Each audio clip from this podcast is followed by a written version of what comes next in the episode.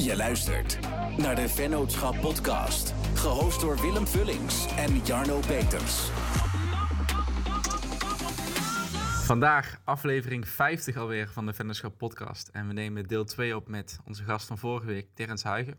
Nou, vorige week hebben we het gehad over uh, zijn digital agency Reversed. En vandaag gaan we de podcast wijden aan startups. En uh, nou, daar heeft Terence genoeg over te vertellen. Dus uh, nogmaals, welkom in de show, Terence. Thanks, thanks. Ja, leuk om, uh, om een tweede deel met jullie op te nemen. Hartstikke gaaf. Ja, we zitten een week later en um, vandaag gaan we het eens hebben over, over startups. En dat kwam eigenlijk omdat ik geïntegreerd raakte door jouw blogpost op Medium. En nou, de titel daarvan is From ID to 50k in revenue in three months. What we've learned so far. En daar heb je het eigenlijk over jouw um, MVP met Home Tour, dus Minimum Viable Product. Wat jullie echt binnen mum van tijd uh, op hebben gezet in de coronatijd. En uh, nou, wat jouw lessen daaruit zijn geweest. Dus ik wil heel graag daar beginnen. Ja, zeker. Ja, leuk. Uh, was een ontzettend leuke tijd. Ook een, hele toffe tijd waarmee we heel veel geleerd hebben. Eigenlijk denk ik als ik terug praat over de oorsprong van dat hele idee is Tim Hofman die een tweet online gooit. Waarin hij eigenlijk praat over ik zou best in deze coronatijd willen betalen voor livestream concerten. Ehm, mijn mijn verloofde die trok me aan mijn jas en die zei hey, dit heeft Tim Hofman geplaatst. Kan je niet iets bouwen? Um, dus ik heb eigenlijk binnen 24 uur gewoon in Figma, dat is een design tool heb ik uh, gewoon een prototype in elkaar geklikt. Waarin ik eigenlijk gewoon een, uh, een grove schets gaf van nou, hey, zo zou dat er dan uitzien. Zo kan je naar artiesten zoeken. Zo kan je artiesten uh, livestream starten. Zo kan je tickets kopen. En ik had ook nog een onderdeel aan toegevoegd dat je merchandise kon kopen en zo. Nou, grappig dat dat eigenlijk het, het hele interessante aan dat hele verhaal is dat het in één keer begon te vliegen toen wij dat prototype online hadden gegooid. En uh, uh, wij hadden een aantal mensen in onze omgeving gewoon een mailtje gestuurd. Een aantal radiozenders, een aantal uh, verschillende nieuwszenders. En daarin hadden wij gezegd: hey, we hebben direct gereageerd op een tweet van Tim Hofman. En toen begon het in één keer een beetje in het nieuws te komen. Wel een beetje mondjesmaat. Ik denk dat een dag daarna er een aantal berichtjes online waren gekomen van: hey, uh, moet je dit eens zien wat Tim Hofman nu uh, begonnen is. Dus het, het, was ook heel grappig. Het, het, werd meer vanuit hem geframed dan vanuit ons. en, uh, dus dat, dat, maar dat vonden wij helemaal niet erg. Want het gaat het immers om het idee wat, wat gewoon ver komt. En, en in één keer begon Tim Hofman ons berichtje te sturen van... hey, joh, ik heb jullie project gezien. En zou je een keer willen babbelen samen? Dus dat hebben we gedaan met hem. En toen Tim Hofman dat eigenlijk op zijn Twitter had geretweet... Uh, begonnen in één keer al die nieuwszenders ook naar ons toe te komen van hey, uh, dit idee wat jullie aan het doen zijn, wat gaaf. Wij, hebben er, uh, we willen daar graag tijd voor hebben in onze uitzending. Dus nou, ik denk dat wij maandag werd ik wakker. Ik denk dat wij wel 40 of 50 telefoontjes hadden gekregen van allemaal radiozenders, tv-zenders, nieuwsblogs. die eigenlijk allemaal zoiets hadden van: hey, wat is hier gaande? Nou, dat was eigenlijk een beetje het startpunt. En waar we toen mee uh, heel erg snel hebben doorgepakt, is dat we eigenlijk binnen een maand tijd hebben we allemaal uh, services aan elkaar geplukt. Uh, waardoor we eigenlijk de eerste minimal viable product online konden zetten. En dat gaat eigenlijk een beetje in tegen mijn principes. Want normaal neem ik daar liever altijd iets langer de tijd voor, zodat het echt goed in elkaar zit. Maar omdat wij zo'n ontzettende pool van de markt voelden, en daar kan ik straks wel wat meer over uitleggen, dat wij ontzettend veel voelde dat mensen aan ons vroegen: wanneer komt het live? Ik ben een artiest, ik zou graag mee willen doen op jullie platform. Uh, mensen die zeiden: waar kunnen we al tickets kopen? Wanneer komt het eerste concert live? Moesten ontzettend snel doorpakken. En toen hebben we maand daarna hebben wij eigenlijk in, uh, in, uh, in Amsterdam. Hebben wij samen met Aquasi een eerste live concert gedaan. Ja, en dat kreeg ook nog meer publiciteit, omdat wij gewoon de eerste van Nederland waren. En dus dat, dat is wel een hele, hele toffe ervaring. Kun je eens kort uitleggen wat Home Tour precies uh, inhoudt, wat het doet? Ja, het is eigenlijk een, eh, een hele simpele verzameling van, uh, van artiesten die bij ons gewoon vragen van... hey, kunnen wij een uh, livestream starten?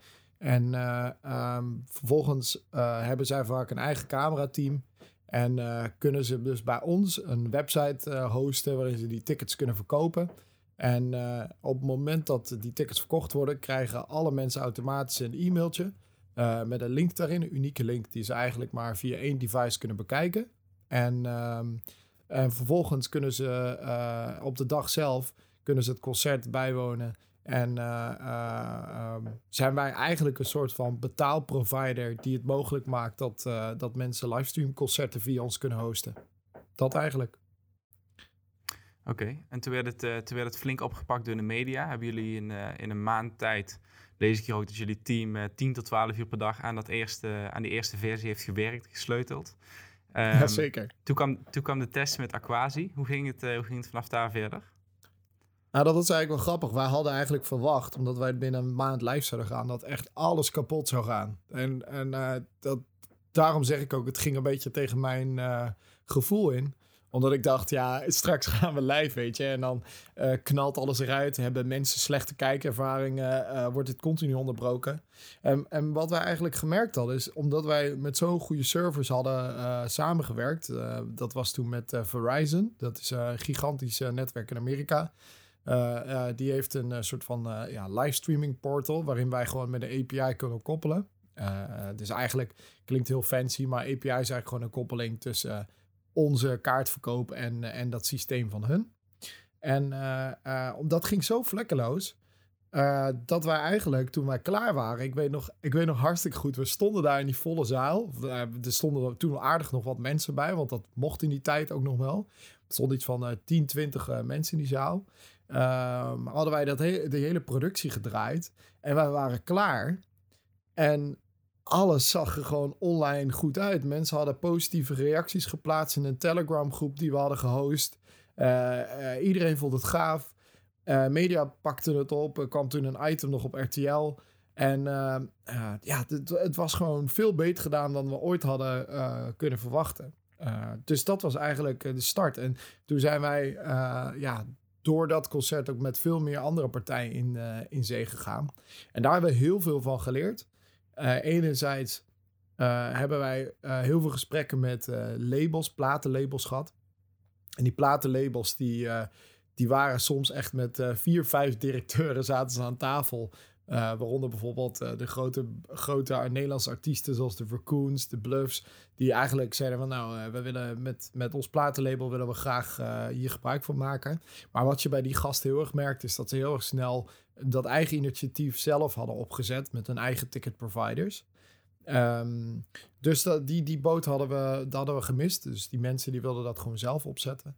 Um, maar er waren genoeg andere artiesten die ook uh, uh, makkelijk duizend tickets konden verkopen. Die, die wel gewoon bij ons uh, kwamen en die gewoon, ja, eigenlijk als het ware, ons gebruikten om hun eerste livestreamconcert te hosten. Ja. En, en hoe heb je dan bijvoorbeeld de eerste maand van ontwikkelingen? Want die ik neem aan dat jullie die met jullie eigen team van Reverse toen hebben ontwikkeld. Ja, deels, deels in ons eigen team. Maar deels ook met uh, externe freelancers. Want wij hadden een team ook gewoon uh, onze lopende projecten. En dit was eigenlijk iets wat heel erg snel uit de grond kwam. En ja, ook niet echt vertraagd kon worden. Dus we hebben wel wat mensen daarbij gehaald. En hebben intern in het team hebben we inderdaad projectmanagement gedaan. En, en een planning uitgedraaid. Ik moet wel eerlijk toegeven dat het wel een beetje hectisch was. Omdat het allemaal zo snel moest. Wat ik daar trouwens heel erg van geleerd heb, is dat je eigenlijk in, in alle tijden, zeker als partij, gewoon heel veel freelancers om je heen moet verzamelen. Of mensen die uh, gewoon bij kunnen springen wanneer nodig. omdat het soms wel echt heel erg waardevol kan zijn in een tijd waarin, waarin er zo snel dingen opgeleverd moeten worden. En ja, dus dat. En grappig is eigenlijk dat wij dus daarna nog een vijftal andere concerten hebben gehost. Een paar goede, een paar minder goede. Um, en wat eigenlijk de hele strekking is geweest van, van het home tour verhaal, is dat wij na twee, drie maanden merkten we toch wel een bepaalde dip weer, omdat het zomer werd. of mensen wilden gewoon lekker wat meer naar buiten toe. Die wilden gewoon genieten van de zon. En wat je daar merkt is dat de kijkers telkens weer terugnamen. Uh, maar binnen die relatief korte termijn hadden we toch wel uh, eh, 15.000 euro omgezet in, in eigenlijk revenue. Um, dus dat was heel erg fijn. De moeilijke stap daarna was voor ons wel om het weer een eh, soort van commodity product te maken. Want je zag dus dat die kijkers terugnamen. En wij daarin eigenlijk weer op zoek zijn nu naar een eh, eh, eh, propositie. Eh, die zijn we nu op dit moment aan het schetsen. Daar kan ik nog niet eh, al te veel over vertellen. Waarin we eigenlijk eh, wat meer op die contentcreatie zitten. Waarin mensen gewoon geld kunnen verdienen met, met het maken van content. En niet per se alleen maar artiest hoeven te zijn. Want je merkte dat die artiesten vonden het heel moeilijk om hun eigen apparatuur te fixen. om een locatie te regelen. Want dat gebeurde normaal via de boekings, via de festivals. Of de boekingsagencies. Dus dat was nog wel een uitdaging die we hadden. En hoe heb je dan die eerste maand van ontwikkeling, hoe heb je die enerzijds gefinancierd en anderzijds had je al meteen een, een verdienmodel eraan gekoppeld? Of komt dat later? Nee, we, hadden, we, we wisten zeker dat we eigenlijk gelijk een verdienmodel eraan moesten koppelen. Want ik heb, ik heb eh, eh, met meerdere eh, start-ups gezeten, met meerdere ondernemers gezeten. En die hebben me altijd verteld, het is altijd fijn om een, een basisverdienmodel te hebben. Zodat je in ieder geval hebt uitgevonden van, hey, dit, hier kunnen we mee door gaan spelen en experimenteren. Uh, want ik vind dat altijd belangrijk. Uh, uh, dat zegt Alberto Savoia ook. Dat is een, een gast die noemt het pretendo-typing. Die zegt dat je eigenlijk zo snel mogelijk skin in the game moet hebben. Dus voor ons was het heel belangrijk. Hoe kregen wij nou skin in the game? Dat was uh, door mensen al direct te laten betalen voor een dienstverlening. Zodat we ook wisten dat mensen niet alleen maar gewoon enthousiast zijn over je product. En zeggen dat ze het graag willen gebruiken. Maar ook echt daadwerkelijk uh, uh, voor die tickets betalen. Dus we hadden enerzijds een businessmodel bedacht. waarin we de artiest x procent lieten betalen per evenement wat wij hosten. En uh, de opzet van een uh, pagina voor ze. Dus dat ze echt een persoonlijke verkooppagina hadden. En dan hadden we ook nog een, uh, een kickback over de tickets. die er dan zeg maar verkocht werden. door de, of die eigenlijk gekocht werden door alle fans die van een artiest wat afnam. En nou, dat, daar, hebben gewoon, daar zijn we mee gaan experimenteren. Aan het begin vonden mensen het nog wat duur. Dus we hebben die prijzen ook weer naar beneden ge gegooid. Uh, uh, maar op een gegeven moment kom je op een sweet spot waarin artiesten zeggen: Nou, dit wil ik best wel betalen aan jullie. Um, en ja, deze ticketprijs vonden mensen, fans vonden dat ook gewoon een prima prijs. daar we ook een beetje advies in. De prijs was een beetje tussen de 7,50 euro en de, en de 15 euro in. want het is toch een andere ervaring dan die je zeg maar ja, bij een concert zelf krijgt. En, uh, maar je merkte dat die artiesten of die fans eigenlijk ook best wel tevreden waren met de prijs. Uh, dus we hadden al heel snel een businessmodel inderdaad.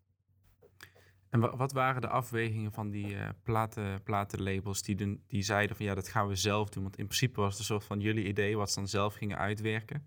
Waarom besloten zij dan niet mee te liften op jullie platform wat er al was? Um, ik denk omdat zij allereerst vonden dat ze dat makkelijk zelf konden doen. Uh, daar zijn ze later van teruggekomen. We hebben ook uh, wat concerten live gezien. Uh, Direct was bijvoorbeeld heel erg goed gegaan. Ontzettend goed concert ook. Het zat heel goed in elkaar en geen uitvallen. Maar we hebben ook een aantal concerten gezien die gewoon 20 tot 30 minuten helemaal stil lagen. dus het was ook gewoon allemaal nog zo nieuw. Dus uh, ja, enerzijds denk ik gewoon dat het voor platenmaatschappijen heel erg een, uh, een geldissue was. Dat ze dachten van, nou, wij hebben gewoon ook een team aan developers. Dus waarom gaan we dat gewoon niet zelf doen? Uh, maar sommige groepen zoals OG, die hadden dat ook gedaan. En die hadden iets van, nou wat zat zij, over de 10.000 kaartjes verkocht. En dat concert kon niet doorgaan, omdat ze het gewoon technisch uiteindelijk niet geregeld kregen. En dat is tevens ook een hele moeilijke aan ons, was op dat moment heel erg moeilijk aan ons businessmodel. Want het is niet alleen maar de tickets die je verkoopt, of de livestream die je zeg maar bij iemand op zijn televisie krijgt. Het is ook de productiemaatschappij die de livestream filmt. Die moet het op een juiste manier doorgeven aan ons. Dus wij, waar wij heel erg aan het begin op zaten, is dat wij alleen maar met productiepartijen gingen samenwerken. En dat wij ook daar de regie van namen. Dus dat we zeiden, nou, wij hebben hier een concert. We weten dat jullie goed zijn in livestreamen. Laten we een keer doortesten. En daar namen wij gewoon ontzettend veel um, ja, voorzichtigheid in. Heel veel kwaliteit stopten we daarin. Zodat die productie gewoon in ieder geval goed zat. En ik had uh, in het verleden, zoals ik in mijn vorige podcast al zei... heb ik ook een filmbedrijf gehad. Dus ik wist daar wel aardig wat vanaf. Uh, hoe dat in zijn gang uh, en hoe dat in zijn werking ging eigenlijk. Dus ja, ik denk dat dat ons onderscheidende vermogen toen was. Maakt dat het tegelijkertijd ook lastig schaalbaar. Want als je dus, stel je zou alleen een platform hebben waar mensen zich op kunnen aanmelden, dat je minder afhankelijk bent van die filmmaatschappijen, dan kun je dus al heel snel heel goed gaan schalen. Maar als je dus constant met die filmmaatschappijen contact moet hebben over welke manier van livestreamen ze moeten gebruiken, kan ik me voorstellen dat het moeilijker is om, om direct op te gaan schalen, toch? Ja, ontzettend. Daar, uh, dat is een hele goede die je benoemt. Dat is denk ik ons allergrootste probleem geweest. Dat wij op een gegeven moment voor artiesten ook een soort van productiemaatschappij werden. Dus er werd ons heel erg gevraagd: zouden jullie het misschien voor ons kunnen filmen? En wij hadden daar aan het begin eigenlijk veel sneller nee moeten zeggen. en ons juist wat meer op de achtergrond moeten houden. en dat is denk ik ook de, de ja, hoe zeg je dat? De, de valkuil voor veel start-up, uh, voor, voor veel ondernemers die een eigen start-up beginnen, is uh, omdat je je in het moment zo laat meeslepen in uh, wat er allemaal nog moet gebeuren en wat je eigenlijk, je, je voelt ontzettend dat de markt aan je trekt, dat ze willen dat je alles fixt, dat je zo snel mogelijk voor ze live gaat, was voor ons af en toe het overzicht, het grotere overzicht, was een beetje kwijt.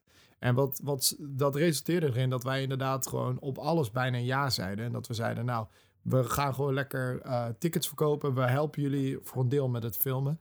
Maar wij hadden er eigenlijk misschien veel eerder voor moeten kiezen om er een SaaS-platform van te maken. Dat mensen gewoon lekker hun eigen camera setup kunnen gebruiken. Dat wij ons gewoon volledig niet gingen bemoeien met, uh, uh, met ja, eigenlijk alle film- en locatieregelen. Want dat maakt het inderdaad veel, veel lastiger schaalbaar. En dat had ons, denk ik, als wij wat overzicht hadden bewaard, dus gewoon echt een week lang helemaal geen concert hadden gedaan, gewoon even met het team hadden uitgezoomd van waar staan we nu en wat willen we. Dat als we die tijd hadden gepakt, dan had het ons waarschijnlijk ook gewoon wat meer opgeleverd uh, in, de, in de verdere verloop van de start-up. Was je dan niet bang geweest dat je, um, want, want daardoor heb je waarschijnlijk wel ja gezegd erop, was je dan niet bang geweest dat een aantal concerten niet, niet door zouden kunnen gaan? Als je die filmmaatschappij niet, uh, of als je die livestream niet zelf kon faciliteren? Ja, wij waren dus heel erg bang, omdat het, het was, kijk, het was allemaal zo nieuw en het was allemaal zo erg uh, anders nog. Waren wij gewoon heel erg bang dat als wij inderdaad uh, nee zouden zeggen, dat artiesten gewoon weg zouden lopen en naar een andere partij zouden gaan. Maar er was gewoon nog niks. Dus uh, ik, ik denk dat het op dat moment ook nog wel heel erg wijs was geweest voor ons om te zeggen: hey, nee, laten we wel eventjes een stapje terug doen. Laten we gewoon wel even goed kijken. Dat helpt gewoon soms heel erg goed om om weer een nieuwe uh, ingangs, invalshoek te vinden. Uh, om je product uh, eigenlijk uh, in de markt te zetten. Want ik merk altijd bij, bij producten die wij maken, en dat heb ik ook een aantal boeken gelezen, is het belangrijkste wat bedrijven kunnen vinden, is een product market fit. En die product market fit bij ons, die hadden we wel gevonden in het livestreamen. maar je moet niet vergeten dat je die product market fit af en toe een beetje moet veranderen. Dus dat je echt moet kijken van oké, wat is nou onze doelgroep? Uh, waar zijn nou echt die pijnpunten van onze doelgroep? En hoe kunnen we daar een feature tegenover zetten die die doelgroep gaat helpen? Wij waren bijvoorbeeld op een gegeven moment bezig om ook interactieve chats in, uh, in, uh, in Home Tour aan te bieden. terwijl dat we eigenlijk, eigenlijk het meeste meekregen van alle mensen, dat zij gewoon op zoek waren naar een, een tool waarmee ze zelf livestreams konden hosten. Dus ik denk door continu met je doelgroep in gesprek te komen, uh, zorg je er ook weer voor uh, dat je tool in ieder geval een, een goede product market fit krijgt. En vanaf dat moment kan je inderdaad uh, makkelijker doorpakken. En je geeft er al aan, een, een, stapje terug doen in die, in die hectische tijd dat je een start-up aan het bouwen bent. Dat is misschien wel het lastigste wat er is. Tegelijkertijd ook wel misschien wel het meest waardevolle, omdat je dan dingen ziet die anders nooit, waar je anders nooit over zou nadenken. Um, zijn er buiten het feit dat je dus voortaan nee wilde gaan zeggen tegen uh, zelf die livestreams faciliteren, zijn er andere dingen geweest waarvan je zoiets had van, hey, als we toen hadden uitgezoomd, toen een stapje terug hadden gedaan, hadden we dit ook anders aangepakt? Ja, zeker. Um, ik denk ook uh, uh, dat we in de eerste fase veel meer hadden moeten zitten op het, um, ja, het zoeken van een, ja, hoe, hoe kan ik dat goed zeggen? Ik denk dat we op, op, op dat moment veel beter hadden moeten kunnen kijken naar hoe hadden we die kijkerservaring van de gebruiker kunnen verbeteren. Dus uh, hè, je merkte dat mensen die in de woonkamer zaten, die waren na 10, 20, 30 minuten al een beetje uitgekeken Omdat het concert gewoon in een woonkamer anders ervaren wordt dan dat dat op een live locatie wordt gevonden. Dus we hadden misschien veel beter kunnen inzetten om ook die kijkerservaring nog rijker te krijgen. Nou, je had dan bijvoorbeeld uh, na vier, vijf maanden kwam Ziggo en Vodafone kwamen met Larger Than Life. Of dat was met Vodafone en uh, Mojo. En daar merkte je dat die kijkerservaring wel wat meer interessanter was. Dat mensen ook konden wisselen achter de camera. Dus dat je thuis ook gewoon die, die camera's kon switchen en zo. Maar je merkte dat ook daarin mensen zoiets hadden van... Poh, dit, is, uh, uh, dit gaat me iets te ver. Ik wil gewoon een vet concert bijwonen. Dus ik denk dat wij, uh, even los van wat we nog anders hadden kunnen doen, gewoon veel meer met die, met die kijker in gesprek hadden moeten gaan. En veel meer moeten vragen: hey, waar heb jij nou behoefte aan? Ik denk dat dat gewoon heel erg waardevol was geweest. En een ander dingetje wat, wat we ook beter hadden moeten doen, is software op moeten zetten. Kijk, als je een MVP gaat bouwen, dat hadden wij echt super snel gedaan. Hadden we Webflow gebruikt. En eh, in Webflow hadden wij een, uh, een videoplayer gegooid. En met de hand maakten we elke keer die pagina's aan. Maar dat maakte tevens ook heel erg lastig om het uh, door te schalen. Dus ik zou zelf voor de toekomst altijd voor hebben gekozen om iets schaalbaars op te zetten wat we makkelijk kunnen uitbreiden. En wat ook gewoon ja, ons niet weer opnieuw werk kost om alles om te bouwen. Want daar zijn we nu, we zijn nu een ander concept, een andere richting, uh, een andere product market fit proberen te vinden. En daarin zijn we heel erg duidelijk aan het kijken van hoe kunnen we nou de software die we bouwen zo schaalbaar mogelijk opzetten. En hoe kunnen we dat zo goed mogelijk doen dat wij eigenlijk in de toekomst alleen nog maar nieuwe features hoeven te lanceren en niet elke keer dat hele product opnieuw hoeven te bouwen. Ik denk dat dat wel heel erg waardevol is. Was, was het juist niet de charme en, en de kracht van jullie snelle uh, MVP dat het, dat het zo uh, dat het nog zoveel handwerk vereist om nieuwe pagina's aan te maken en om, dat zelf bij te houden. Want eigenlijk deden jullie de back-office nog handmatig. Maar dat zorgde er wel voor dat je dus binnen een maand je MVP up en running had. En als je gewoon ja, die product market fit waar je het over hebt, dat je die kon valideren. Was dat ook niet juist de kracht dat je het juist zo snel en een beetje ja, ja, niet, niet schaalbaar had opgebouwd? Ja, zeker. Dus dat is heel erg een kracht geweest. En ik denk dat je daarna heel erg bewust moet zijn. Oké, we hebben dus nu een tijdlijn van dit is het huidige product. dat is gewoon heel erg MVP opgezet. En we moeten daarnaast een soort van sidetrack introduceren. Waarin we gewoon het product van, van het begin af aan gewoon heel erg netjes gaan opzetten. Zodat het heel schaalbaar wordt. Uh, en wat jij net ook al vroeg, daar had ik nog geen antwoord op gegeven. Is, hebben we dat zelf gefinancierd? Ja, dat hebben we zeker uh, voor een groot deel ook zelf gefinancierd aan het begin. En ik denk ook wel dat dat uh, goed is om, om zeker aan het begin... Um, te kijken of je wat extra geld vrij kan maken om, om ook die basis uh, daarnaast op te gaan zetten. Want je, je verdient inderdaad een beetje wat geld met, uh, met die concerten. En, uh, en dan heeft het ook weer nut om toch nog even wat extra geld opzij te zetten. Want we draaiden aardig kiet. de kosten moesten ook naar artiesten toe natuurlijk. En wij moesten zelf ook voor al die providers betalen waar wij onze services hadden gehost. Uh, dus we hielden er wel iets winst aan over. Maar het is wel goed om nog een extra budgetje te hebben. Of je dat nou uh, bij je vrienden en familie ophaalt. Uh, um, om dan ook daadwerkelijk misschien dat, dat product daarnaast te gaan opbouwen. Want de grap is altijd mensen, en zeker start-up ondernemers, die, die zijn altijd heel erg wild van om investeerders aan zich te koppelen. Um, waar ik zelf ook wel heel erg, dat kan een hele goede aanpak zijn. Maar vaak moet je als ondernemer ook wel beseffen van... hey, heb ik echt wel financieel hulp nodig? Of kan ik bij mijn familie en vrienden een bedrag ophalen... dat in ieder geval uh, waar we gewoon een basisproduct mee kunnen opzetten... En dan heb ik het over uh, 20 tot 50.000 euro. Vaak als je in je, in je omringde omgeving vraagt aan mensen die dat willen doen... die willen je vaak nog best wel financieel ondersteunen. En dus gelijk geld ophalen, dat, had, dat was aan het begin een beetje een soort van ons uh, idee. Maar ik ben wel blij dat we dat, dat we dat toen niet gedaan hadden. Want anders hadden we misschien ook ja, heel erg te druk gevoeld om, om te presteren. En, en heel veel van onze ideeën eigenlijk weg te geven aan, aan, aan investeerders op dat moment. Ja, en het is ook weer een stukje skin in the game. Dus je laat zien dat je zelf bereid bent om erin te investeren. Dus je gelooft er zo erg in dat je ja, dus bereid bent om eigen geld daar er tegenaan te gooien in plaats van andermans geld. Ja, exact. Ja, zeker. Ja. Hey, ehm, jullie hebben die, eh, dat MVP gelanceerd, maar hoe zijn jullie vervolgens met, met de, de, de eindklant zeg maar, in gesprek gegaan om, om dat te verbeteren? Hoe heb je dat aangepakt? Hoe heb je die ervaringen en die feedback van hun verzameld?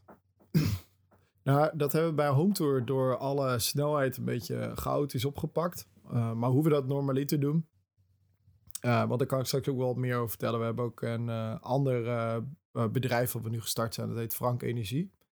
ook een andere start-up. Maar hoe we dat normaal verzamelen, is dat we gewoon zeker in die eerste fase een stukje validatie willen gaan doen.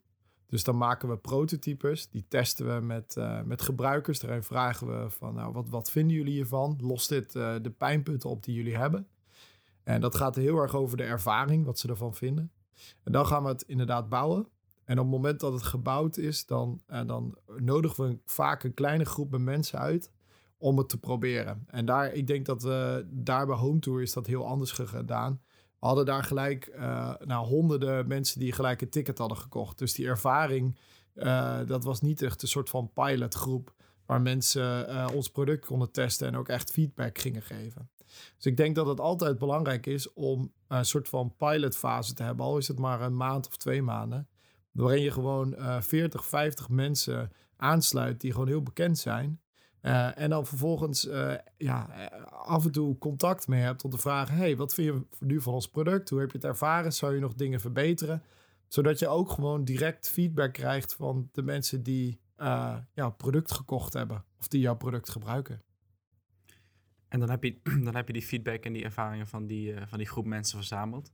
Hoe bepaal je dan wat je wel en niet gaat implementeren? En hoe bepaal je dan ook wanneer je die feedback gaat implementeren? Welke prioriteit je eraan geeft?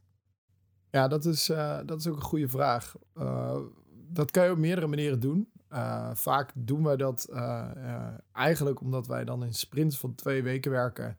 Gooien we dat gewoon op een hele grote backlog. En ja, daar, daar maken we een kleine planning voor. Dus die zetten we op een tijdlijn. En we bepalen op dat moment door, door de, in die gesprekken te gaan met onze klanten, met die pilotklanten, dan merk je in één keer dat er tien dingen zijn die komen met elkaar overeen. Dus tien mensen die zeggen eigenlijk allemaal dat ze het heel erg vervelend vinden dat zij niet geld terug kunnen vragen voor hun uh, uh, ticket. Die, uh, die ervaren dat als heel erg vervelend. Dan zetten we die, de geven die een hogere prioriteit dan dingen die wij zelf wenselijk vinden. Dus bijvoorbeeld een aanpassing op de website, waarin artiesten direct een aanvraag kunnen doen voor een concert. Nou, dat, dat, dat, hoe we dat bijvoorbeeld hebben opgelost, is omdat die minder belangrijk was, hebben we gewoon een Google Form aangekoppeld en konden mensen gewoon onze berichtjes sturen. En werd dat gewoon gefilterd uh, in onze inbox. Um, dus zo kijk je, zo weeg je een beetje af van, nou, wat, wat zeggen de mensen? Wat vinden zij het allerbelangrijkst? En, uh, en uh, hoe, hoe, dan geef je daar gewoon een andere prioriteit aan als je dat gaat uitvoeren in die, in die sprint eigenlijk van twee weken. Waarin wij gewoon, ja, dan de dingen gaan uitvoeren die uh, op dat moment uh, de hoogste prioriteit hebben. Oké, okay, en dan, kijk, ik snap waar je, ik snap vanuit reverse dat je bij home tour uitkomt en ik snap die start-up, ik snap de link. Maar hoe kom je van een digital agency, van, als eigenaar van een digital agency, uit bij een start-up als Frank Energie? ja, dat is, dat is heel erg grappig gegaan. Um, als we helemaal teruggaan naar het begin van ons verhaal, hebben wij... Uh, uh, mijn vader die werkt uh, bij een energieleverancier. Die werkt bij, ja, eigenlijk bij steden nu. Die werkte vroeger bij Eneco, bij de Remu, bij Jules. Dat zijn allemaal verschillende bedrijven. Die, die hebben allemaal een paar keer een naamwijziging gehad. Maar daar huurde die ons voor in om een aantal filmpjes te maken. En toch in ons achterhoofd hebben we steeds meer kennis gekregen in die energiewereld. Doordat we naar die evenementen toe gingen doordat we mensen daar ontmoeten. En op een gegeven moment breidt je netwerk zich zo uit. Uh, dat je via iemand uit je oude netwerk die in de energiebranche zat, uh, ja, ons gekoppeld had. Van hey, uh, je moet eens een keer met, met Thomas praten, de oprichter van, van Frank Energie. Die heeft een hartstikke tof idee die die, waar hij nog een techpartner voor zoekt. Ja, dan gaan we met zo'n man in gesprek. En Thomas is een ontzettend creatieve en doortastende man. Hij kan ontzettend veel voor elkaar krijgen. En die visie die hij had, die zagen wij ook echt. En uh, ja, toen hebben we gewoon besloten met hem om het samen, samen te gaan doen. Want hij, hij wilde daar gewoon een hele goede app voor hebben. Uh, en wel leuk om te vertellen, Frank Energie is eigenlijk een soort van uh, energiebedrijf. Waarin jij als persoon alleen betaalt voor de energie die je ook echt daadwerkelijk afneemt. dus echt voor inkoopprijzen. Wat normaal bij de grote jongens gebeurt, bij de grote reuzen, is die vragen ontzettend marge boven je energieprijs. En wij verdienen daar ons geld niet aan. Dus wij zeggen dat consumenten direct energie mogen inkopen voor inkoopprijs. En wij vragen gewoon net zoals bij Bunk een subscription model voor, voor het gebruik van uh, dan vragen we 5 euro voor stroom en 5 euro voor gas. En ja, op die manier doen we dat. En ik vond het heel erg leuk, omdat wij juist in het verleden vaak met energiebedrijven hebben samengewerkt. Om er vervolgens dan ook ja, een soort van eigen product in op te zetten. En wat beter dan iemand die zelf bij een groot energiebedrijf gewerkt heeft. Dus die, die had ook ontzettend veel kennis waar die, waar die ons ook weer in kon challengen. En ja, waar we eigenlijk ook weer sneller door groeien. Want zijn het dan jij en Ruben als compagnon die daarbij zijn ingestapt? Of moet ik het zien? Ja, dat zijn Ruben, ik en Corian. Dus wij zijn de drie, drie founders, dus de oprichters. En wij zijn inderdaad met een aparte BV zijn we ingestapt in, in Frank Energie. En eigenlijk nu halen wij vanuit onze, ja, onze agency onze mensen weg. Dus die, die, die draaien nu op dat Frank Energie project. maar in de toekomst is het, is het eigenlijk het idee om daar een apart team in op te zetten. Uh, maar we willen eerst gewoon een aantal klanten binnenhalen. We hebben nu al, uh, ja, al ongeveer 50 klanten. Uh, in een, in een twee weken tijd hebben die erbij gekregen. En daar gaan we nu mee testen. En dan gaan we, gaan we steeds een stapje verder. Kun je ons eens meenemen in dat proces van, van het maken van, van de back-office, van de software van zo'n Frank Energie. En vervolgens tot aan het moment dat je de eerste klanten kunt gaan aansluiten, dat je kunt gaan testen? Ja, zeker. Ja, um, um, wat we hebben gedaan met Frank Energie is dat proces, uh, dat heeft zes maanden geduurd, ongeveer vijf, zes maanden. En de eerste ideeën waren gewoon een aantal uh, schetsen. Waarin we eigenlijk een app hadden waarin je je eigen energiezaken kon inzien. De stroomprijs kon bekijken.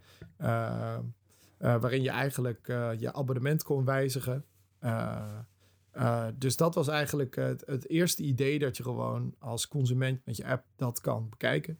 Wat we toen hebben gedaan is heel erg technisch gekeken van hoe kunnen we dit nou opzetten? Welke back-office hebben we hiervoor nodig? Want je hebt te doen met energiecontracten. Je moet een energievergunning hebben. Dus we hebben eigenlijk alle verschillende uitdagingen en risico's hebben wij in kaart gebracht. Toen hebben we een eerste prototype gemaakt. De prototype hebben we met mensen getest. Daar hebben we vanuit gevraagd, wat vinden jullie hiervan?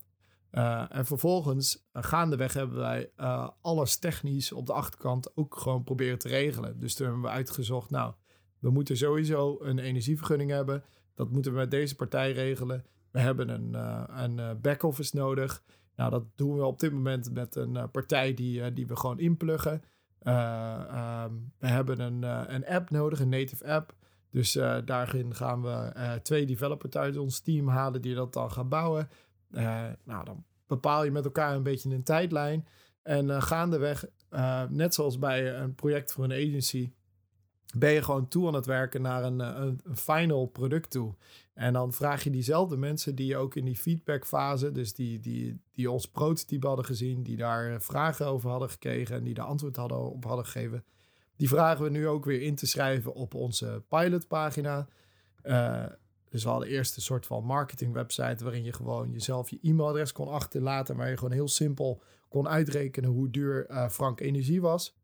Nou, en nu zijn we in de fase dat we ook echt met diezelfde 150 inschrijvingen die we toen hadden ontvangen, die hebben we gewoon proberen om te zetten naar die pilotfase. Uh, en uh, dat zijn dus, dus nu eigenlijk in, in deze pilot zijn er 50 mensen die, die ook meedoen.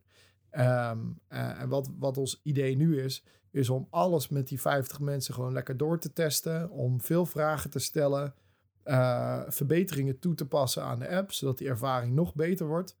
En uh, dan gaan wij uh, in april open voor het, het grotere publiek. En dan, en dan kan iedereen bij ons uitrekenen hoe duur de energie is en, en bij ons energie afnemen. Ja. Ja, wat ik zo, wat ik zo gaaf vind is als ik, als ik op jullie homepagina zit, dan staat er dus hoe verdient Frank dan wel? Dus hoe verdienen jullie geld? En dan staat er ook een, een mooie grafiek met bijvoorbeeld 5 euro per product per maand.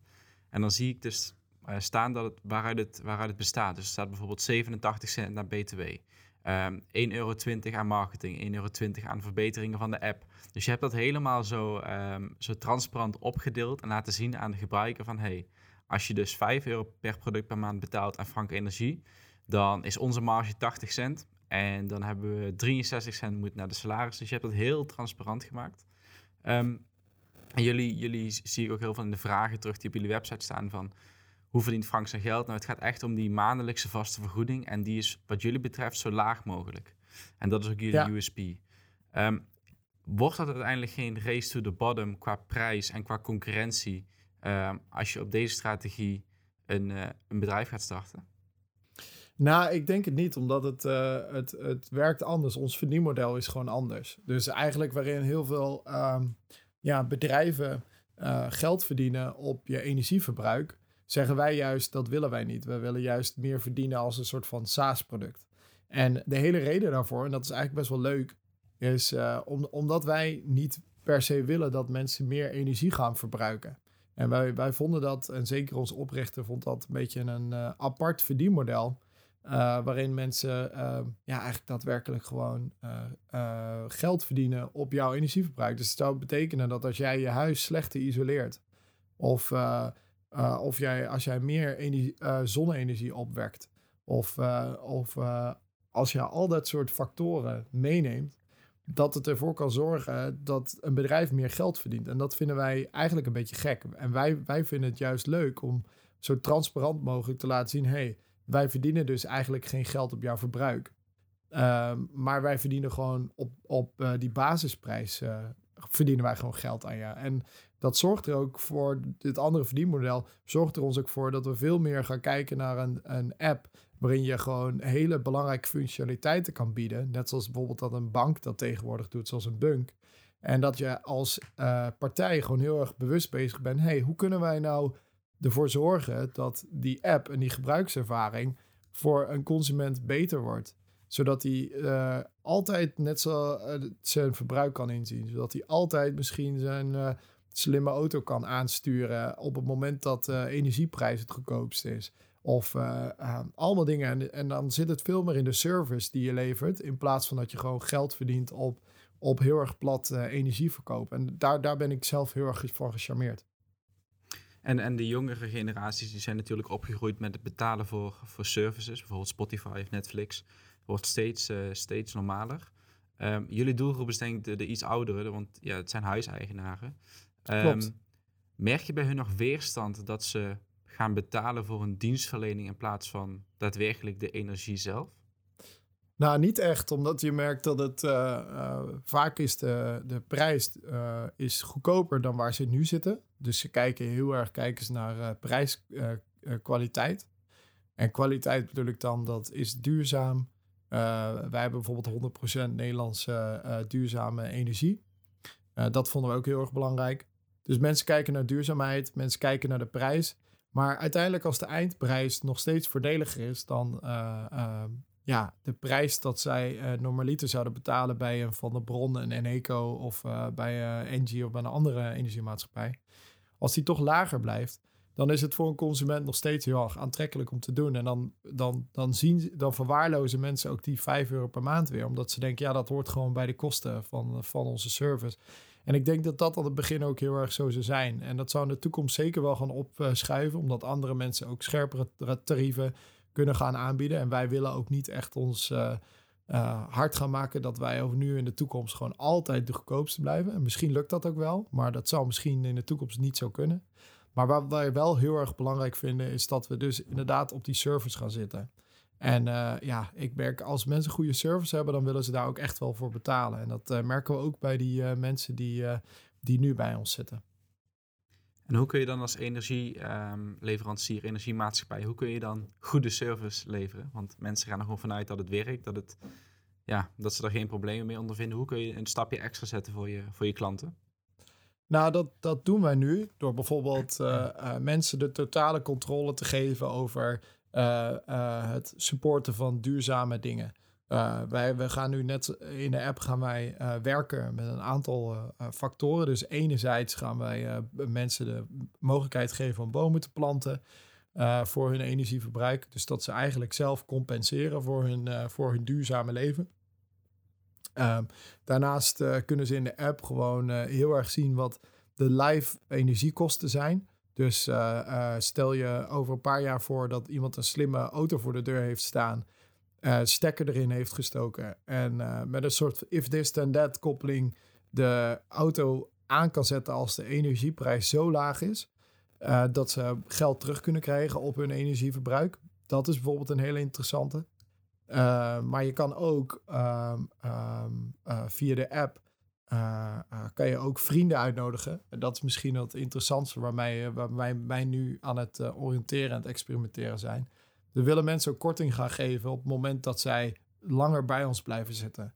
En de meeste energieorganisaties die gaan werken met slaperstarieven. Dus als je langer lid blijft, dan betaal je steeds meer, een klein beetje meer. En wat wij heel erg tof vinden, is uh, dat wij een soort van vriendennetwerk gaan creëren. waarin mensen elkaar gaan uh, promoten en aanbieden. van hey, gebruik ook Frank Energie. Want voor elke uh, persoon die je aansluit, krijg je ook weer voordelen in de app. Waardoor je zeg maar, hoe meer mensen je met elkaar Frank Energie afneemt, hoe goedkoper je uit bent. En je zelf op een gegeven moment geld terug kan krijgen op je energieprijzen. Dat zou bijvoorbeeld iets heel moois zijn. Zodat wij ook echt daadwerkelijk ja, een netwerk worden die alleen maar beter wordt hoe meer mensen erbij komen zitten. En, uh, op die manier willen we features gaan aanbieden die mensen toch weer uh, motiveren. En uh, ja, eigenlijk stapje voor stapje duurzamer maakt en bewuster maakt over, over hoe die energiemarkt werkt. Ja, en die, die features die, die in de app stopt, die klinken mij als muziek in de oren. Ik ben het niet voor niks klant bij, klant bij Bunk. Het vergelijk trok je net zelf al. Um, ik denk dat heel veel wat, wat tech-savvy klanten dat heel tof vinden en daarom ook misschien wel klant worden, juist daarom. Um, hoe, hoe, hoe, ga je zeg maar, om met de, met de andere doelgroep van mensen die daar helemaal niet in thuis zijn, ook niet in thuis willen zijn, maar gewoon energie willen tegen de goedkoopst mogelijke prijs? Wat, wat kun je hen dan bieden als, als extra services? Nou, wat we nu aan het doen zijn, is uh, we zijn voornamelijk omdat we eigenlijk net uh, met die pilot aan het uh, live gaan zijn, zijn we aan het vragen aan die mensen natuurlijk, hey, wat, wat, wat vinden jullie straks? Die app die, die, die is bijna live. Die app die, uh, die hebben wij uh, nu in de App Store ingezonden. Dus het duurt eventjes voordat die geaccepteerd wordt. Uh, maar wat we met die, met die andere doelgroep zeggen is... joh, je kan gewoon lekker je energie gebruiken zoals jij hem wil gebruiken. Dat maakt ons helemaal niks uit. Je krijgt sowieso een voordelig tarief. dus je hoeft de app niet te gebruiken. Maar we gaan die mensen in deze fase wat meer vragen inderdaad van... Hey, wat kunnen wij nog voor jou toevoegen om de ervaring te verbeteren? En dat zal bijvoorbeeld kunnen zijn dat we die mensen uh, maandelijks een update sturen over wat we met hun uh, duurzame uh, in, met hun geld hebben gedaan qua duurzaamheid. Of hoeveel bomen we voor ze geplant hebben. Dus dan gaat het inderdaad veel meer over inzicht geven. In plaats van dat ze ook daadwerkelijk elke keer weer iets met die app hoeven te doen.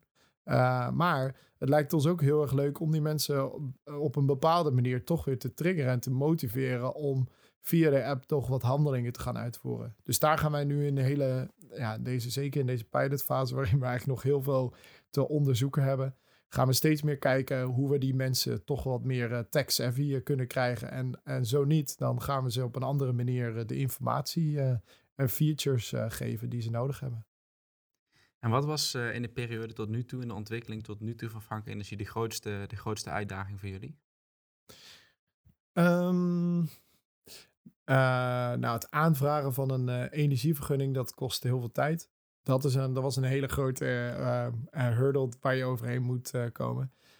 maar dat is gelukt. Dat hebben we met een partij gedaan. dat heeft Thomas allemaal geregeld. En dat is ontzettend goed verlopen allemaal. Um, dus dat. En uh, ja, de grootste uitdaging erin is dat je ook gewoon uh, ontzettend veel geld moet hebben. Uh, dus wij hebben met Thomas geluk gehad. We, hebben, we hadden als bedrijven hadden we samen wat liquiditeit. Dus hebben we dat gelukkig allemaal kunnen realiseren. Maar dat is zeker met het opzetten van zoiets als dit, is dat, ja, was dat ontzettend belangrijk. En voor de rest zijn heel veel dingen heel erg vlekkeloos gegaan. En ja, nu is het voor ons gewoon de, de periode waarin wij waarschijnlijk nog ontzettend veel gaan leren dat wordt deze periode waarin we heel erg gaan kijken van hey, hoe kunnen we uh, Frank nou openzetten voor de grotere massa? En ik denk dat dat een tijd is waarin we ontzettend veel gaan leren. En ook ontzettend veel nieuwe dingen gaan komen die we, die we als uitdagingen moeten gaan aanpakken. Dus ik denk dat dat deze tijd is. dat, dat openzetten voor de massa, um, is dat ook iets wat jullie stapsgewijs willen gaan doen in, in fases? Of, of komt er dadelijk een punt dat je na die pilot kunt zeggen van oké, nu is het product daar waar we het willen hebben voor de start. Nu kunnen we het opengooien voor heel Nederland. Ja, ik denk dat uh, wanneer wij daar het meeste vertrouwen in hebben, is als die 50 mensen die nu gewoon uh, energiecontract hebben, gewoon, ja, zeker in deze aankomende maanden tot met april, want we, we hadden daar ongeveer anderhalf, twee maanden voor gepland. Um, dat we gewoon met die mensen heel erg goed hebben gekeken naar, hey, werkt de energie gewoon goed? Eh, eh, is het afsluiten van een abonnement makkelijk via de website? Eh, ehm, kan je via de app straks allemaal je termijnbedrag aanpassen? hoe wordt de app ervaren? En als al dat soort vragen die we aan klanten stellen positief worden beantwoord, waarin er gezegd wordt: hey, wij vinden eigenlijk dat alles goed werkt, dan hebben we inderdaad het grootste vertrouwen om ook live te gaan. En we merken wel steeds meer dat we het signaal krijgen, ook van de mensen die we spreken, dat uh, het aanmelden gewoon uh, vlekkeloos verloopt via onze pilotpagina. dat mensen inderdaad gewoon worden overgezet zonder enige moeite als ze kunnen overstappen. Um, en eigenlijk alles wat we nu aan het testen zijn, merken we steeds meer dat we groene signalen creëren. Zodat we ook het vertrouwen hebben om straks live te kunnen gaan. Zeker, ja. Tof. Hey, heb, ik nog, heb ik nog spannende, mooie, leuke, interessante dingen gemist die, uh, die gaande zijn binnen Frank Energie? Um, nou, kijk, ik, ik, ik vind het gewoon heel mooi dat wij, um, ja, zeker binnen deze periode, waarin we nu 50 klanten ongeveer hebben, dat we nu eigenlijk al gewoon een soort van kleine omzet genereren met het product. En ja, ik denk dat ik, dat ik daar gewoon ontzettend trots op ben op dit moment. Um, uh, dat we dat voor elkaar krijgen. Um, geeft gewoon een motivatie, weet je, als ondernemer, dat je al een klein beetje geld verdient. En dat is nog niet mega veel. En het is ook zeker nog niet de investering die we er met z'n allen in hebben gestoken. Maar dat is gewoon ontzettend gaaf. En verder zijn we nu met, uh, met de website bezig om die om helemaal anders te maken. Waarin mensen ook veel meer over ons te weten kunnen komen. Waarin we ook nog duidelijker uh, mensen de kans geven om straks live of gewoon eigenlijk een abonnement bij ons af te nemen. Of een energiecontract af te sluiten. Ja, daar ben ik gewoon heel erg trots op. Ik denk dat als die over een paar weken live staat, dat we daar, ja, dat we daar ook heel veel mensen mee ja, gewoon op een hele leuke, transparante en eerlijke manier hun energie kunnen aanbieden. En ja, daar, daar ben ik gewoon heel erg trots op. Nice, goed om te horen. En dan komt, dan komt die grote focusvraag. Want hoe verdeel je in godsnaam al de tijd en aandacht over deze drie bedrijven? en, en, dat is denk ik eh, de mooiste vraag eh, die ik kan beantwoorden. Ja, ik denk dat het gewoon is. Het is ontzettend moeilijk, maar ik denk dat je gewoon in fases in je leven gewoon heel erg je focus moet hebben x procent in dit bedrijf, x procent in dat bedrijf. En daar ook gewoon aan houdt. Ik heb ook bijvoorbeeld in mijn planning, heb ik gewoon de aankomende half jaar tot een jaar heb ik alles al ingepland. Zodat ik precies weet, hey, ik ben hier op deze dag altijd standaard bezig met uh, dit bedrijf. En op uh, die dag ben ik standaard bezig met dat bedrijf. Ik merk ook dat het nog steeds heel erg schakel is. En dat altijd wel heel lastig is om daar een bepaald evenwicht in te vinden. Maar het helpt me in ieder geval al een beetje om, uh, om regelmaat te creëren. Ja, en anderzijds is het ook gewoon mega belangrijk om uh, mensen in het team te nemen die ook, gewoon, uh, die ook gewoon toffe dingen willen maken. En daar krijg je heel veel energie van. En ik merk ook wel dat als je, als je andere mensen, met andere mensen samenwerkt, die willen ook keihard voor je gaan rennen. Dus wees ook niet bang om andere mensen erbij te halen. Dat is denk ik voor ons gewoon heel erg belangrijk. Die je gewoon ook nog een stapje verder kunnen halen. Ja. Oké. Ik heb nog wat, uh, wat snelle vragen voor je. We hebben de vorige aflevering uh, bewust, uh, bewust nog niet gesteld, maar die gaan, die gaan we nu dus stellen. wat vind jij het allerleukste aan je werk? Ja, ik, wat ik stiekem het allervetste vind, is dat je eh, mensen hebt die je producten in je handen hebben en die het met veel plezier gebruiken. En die ook hele kritische vragen stellen. Mensen, uh, ik vind feedback ontvangen altijd het allerleukst. Omdat je dan van een klant te horen krijgt, hey, dit kan nog beter. En dan heb ik eigenlijk een goed gevoel. Want dan denk ik, die mensen die vinden het op dit moment fijn om te gebruiken. En daarom vragen ze mij of we het alsjeblieft anders kunnen doen. Omdat ze ergens tegenaan lopen. En dat is een beetje die pool die je voelt in die markt. En dat vind ik gewoon ontzettend leuk. Dus dat mensen echt gewoon heel kritisch vragen. Hey, zou ik misschien deze feature erbij mogen of dit? Dat, dat is gewoon een ontzettend leuk iets om te zien. Is er iemand die jou in die, in die start-up wereld een beetje op weg heeft geholpen? Ja, absoluut. Uh, een aantal mensen. Uh, sowieso uh, Martijn van Revue. Die heeft ons ontzettend veel geleerd. Zeker over het, het lean aanpakken van zo'n zo'n MVP.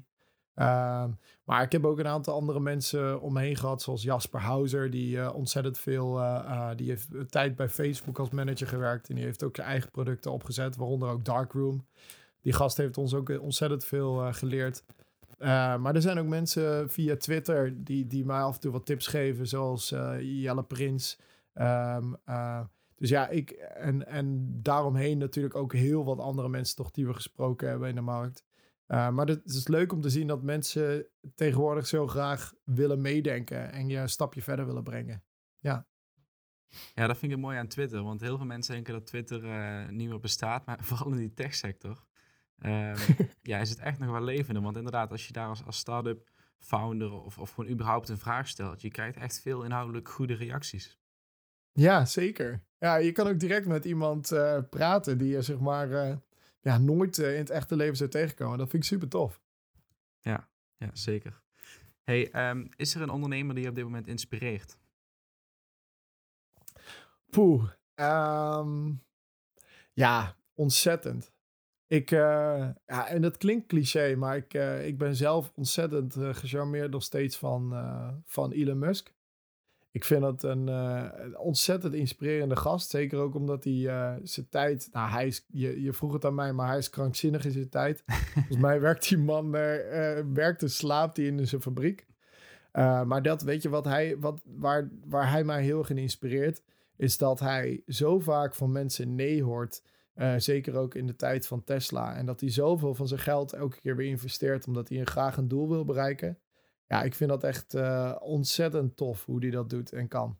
Ik ben daar uh, ja, heel erg geïnspireerd door. En verder vind ik, als ik in de Nederlandse scene kijk, vind ik mensen als Ernst-Jan Fout, die bijvoorbeeld bezig zijn met de correspondent die daar uh, ook een, een, heel toegankelijk medium heeft gebouwd. En die daar uh, eigenlijk als ondernemer ook heel erg open is over hoe die zijn geld verdient, waar dat naartoe gaat. En hoe die een soort van FIRE-achtige financially independent retire early mentaliteit heeft. Dat vind ik een hele interessante.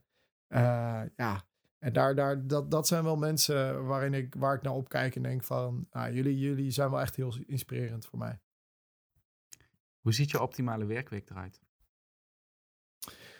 Mijn optimale werkweek is eigenlijk een, uh, een hele leuke balans tussen uh, het werken aan mijn eigen bedrijven en, uh, en, en gewoon meedraaien in projectwerk. dus ik vind het enerzijds heel erg leuk om nieuwe creatieve dingen te bedenken voor alle startups die we hebben, zodat we weer een stapje verder komen. Maar ik vind het anderzijds misschien nog wel het, uh, uh, ook echt heel erg tof om gewoon in, in een project mee te draaien en uh, wat pixels aan te raken en wat gave ideeën te bedenken die, die uiteindelijk doorgevoerd gaan worden in het product. Ik vind die balans wel heel erg mooi en ik denk dat de andere deel van mijn tijd zou ik het liefst willen steken in, in gesprek gaan met mensen, nieuw business doen voor reverse agency, voor reverse digital dan. Uh, ja, daar word ik, uh, die, die verdeling die vind ik wel hartstikke tof. En hoe zorg je daarin dan voor een optimaal energieniveau? Zo, um, ja, ik denk, ik denk echt heilig door gewoon uh, momenten te prikken waarin je voor, voor een bedrijf of project aan de slag gaat. Dus dat je, voor mij is mijn energie hou ik heel goed vast als ik gewoon zeg, hey, ik ben twee dagen met dit bezig, twee dagen met dat en een dag met dat ik hou dan mijn meeste energie vast, omdat ik dan ook gewoon een beetje weet van oké, als ik dan uh, vandaag uh, met, uh, met Frank Energie bezig ga, dan ben ik er ook volle 100% mee bezig. en door ook te wisselen tussen dat soort projecten en bedrijven, eh, ja, hou ik vaak de meeste energie vast. Dat, eh, dat, dat is voor mij, eh, dat werkt voor mij, maar dat werkt misschien niet voor iedereen. En wat ik ook heel erg vaak doe, is ik ga bijvoorbeeld in de middag hardlopen. Gewoon lekker even je verstand op nul, even lekker naar het bos toe. Zodat je eventjes de dag onderbreekt. En zeker in deze coronatijd is het heel belangrijk dat je even ja, tijd voor jezelf uh, vrijmaakt. Ja. Ja, nice. Hey, ehm, waar heb je spijt van? Um, ja, ik, ik weet niet of ik echt spijt ervaar. Um, want ik, ben, ik, ik leef graag wat meer naar de toekomst toe en niet naar het verleden. Uh, maar als ik iets zou mogen aanwijzen waar ik zeg maar net iets anders had mee om moeten gaan, is dat ik uh, met Home Tour uh, zeker in de fase gewoon net wat meer had moeten uitzoomen. Ik denk dat we dan door die, door die doortastendheid en net wat meer door, doordacht naar dat product te kijken, die propositie. Denk ik dat we op de lange termijn zeker wat meer meters hadden kunnen maken. Dan hadden we uh, uh, misschien niet die toffe ride gemist die we, die we nu hebben gehad. Maar dan hadden we het iets gestructureerder aangepakt. Maar ik weet niet echt of ik er spijt van heb. Nee. Het is ook wel de charme van de start-up, toch? ja, zeker weten. Ja, ja nou, ik wou, wou, zeggen, ze noemen een start-up ook wel eens the most uncertain thing that you can have. Ja, dat is ook gewoon zo. Ja, precies. hey, ten slotte uh, ben ik benieuwd naar jouw ambities en waar je over een jaar of vijf staat. En dat mag uh, persoonlijk, maar ook zeker uh, met de drie bedrijven die je momenteel runt. Nou, wat, wat ik heel gaaf zou vinden is als wij steeds meer eigen producten maken die, die, die gewoon ja, die impact maken. Um, we vinden het woord impact bij reverse tot een beetje een vies woord. Maar um, ja, als ik dan naar Frank Energie mag kijken dan hoop ik dat wij over, en dat, dan gaan wij er gewoon voor knallen om over een paar jaar op een positie te staan dat we mensen in de wereld nog duurzamer hebben gekregen. En uh, nog meer geholpen hebben om die, die visie van uh, dat, je, dat je je energieverbruik niet, niet ja, zeg maar, dat je daar niet over hoeft te betalen. Of dat wij daar geen, geen geld over verdienen. Eigenlijk dat. dat, dat. Dat die visie nog verder wordt doorgestraald en dat mensen dat ook gaan begrijpen. En anderzijds ja, hoop ik zeker ook met, met Home Tour. Hopen wij gewoon ja, dus content platform te worden waar, waar mensen hun eigen geld kunnen gaan verdienen naast alles wat ze doen op YouTube en met podcasting. Want weet je, zoveel toffe en inspiratievolle content creators, waaronder ook jij er eentje van bent. Uh, uh, maar als je ziet hoe ontzettend veel tijd ze erin steken en hoe, hoe, hoe weinig geld ze eraan overhouden. Ik, ik hoop echt dat dat in de toekomst gaan we echt ons, ons hard voor maken. Dat die groep met mensen ook gewoon uh, met ons platform nog extra inkomsten kunnen genereren. Dus daar kijk ik ook heel erg naar uit. En met Reversed? Ja, en met Reversed hopen wij gewoon lekker een agency te worden. Waarin we voor steeds toffere klanten kunnen werken. Um, en maar weet je, we, we gaan uh, we kiezen ervoor om reverse niet al te groot te maken. Omdat we gewoon willen dat het een uh, groep en mensen blijft die, die toffe producten maken. En, uh, en dat niet te complex is. Dus gewoon complexe producten, maar met een klein team. Zodat we ja, op die manier eigenlijk ja, gewoon heel erg op de kwaliteit zitten en niet op de kwantiteit. Daar, daar, daar wil ik heel erg naartoe groeien. En dat kunnen best twintig mensen zijn. Uh, maar als er twintig mensen genoeg zijn, dan, uh, dan is dat ook zeker genoeg. Vorige week sloten wij af met een gouden tip voor de, voor de mensen die een agency wilden gaan starten of een agency hebben. Uh, vandaag wil ik afsluiten met een gouden tip voor de, voor de start-up founders. Ja, ik denk toch, en ik kom er veel op terug, maar ik, ik denk, focus je echt op die product market fit. Dus kijk echt gewoon, ga in gesprek zorg ervoor dat, uh, dat je product market fit hebt gevonden. Waarin mensen gewoon lekker uh, veel feedback geven over je, over je product. En dat je op een gegeven moment een, een markt hebt gevonden waar mensen ook zoiets hebben van ja, ja dit, dit, dit, hier willen mensen echt een product in hebben. En wacht nou gewoon eventjes met investeerders aan je koppelen. Ik denk niet dat het slecht is om investeerders bij te halen. Maar ik denk wel echt uh, zoek gewoon eerst een goede product market fit voordat je geld uh, gaat ophalen. Want anders ga je uh, straks een idee te snel doorzetten waarin, ja, waarin investeerders ongeduldig worden, wat ik ook snap. En um, dat mensen gewoon ja, eigenlijk een product, niet echt een product market fit hebben. En dat op een gegeven moment alle moed in je schoenen zakt. En denk ja, potjandori, had ik nou maar dit gedaan. Dus ga gewoon eerst lekker die product market fit vinden. Top. Hey Terence, wederom bedankt voor je mooie verhaal, voor je, voor je lessen met betrekking tot je start-ups. Um, Jij ook, dat man. de luisteraars er ontzettend veel aan hebben gehad. En um, nou, voor de luisteraars, tot volgende week. Yes, hey, tot snel. Hoi. Bedankt voor het luisteren naar de Vennootschap podcast. En vergeet niet te abonneren op Spotify en Apple Podcasts.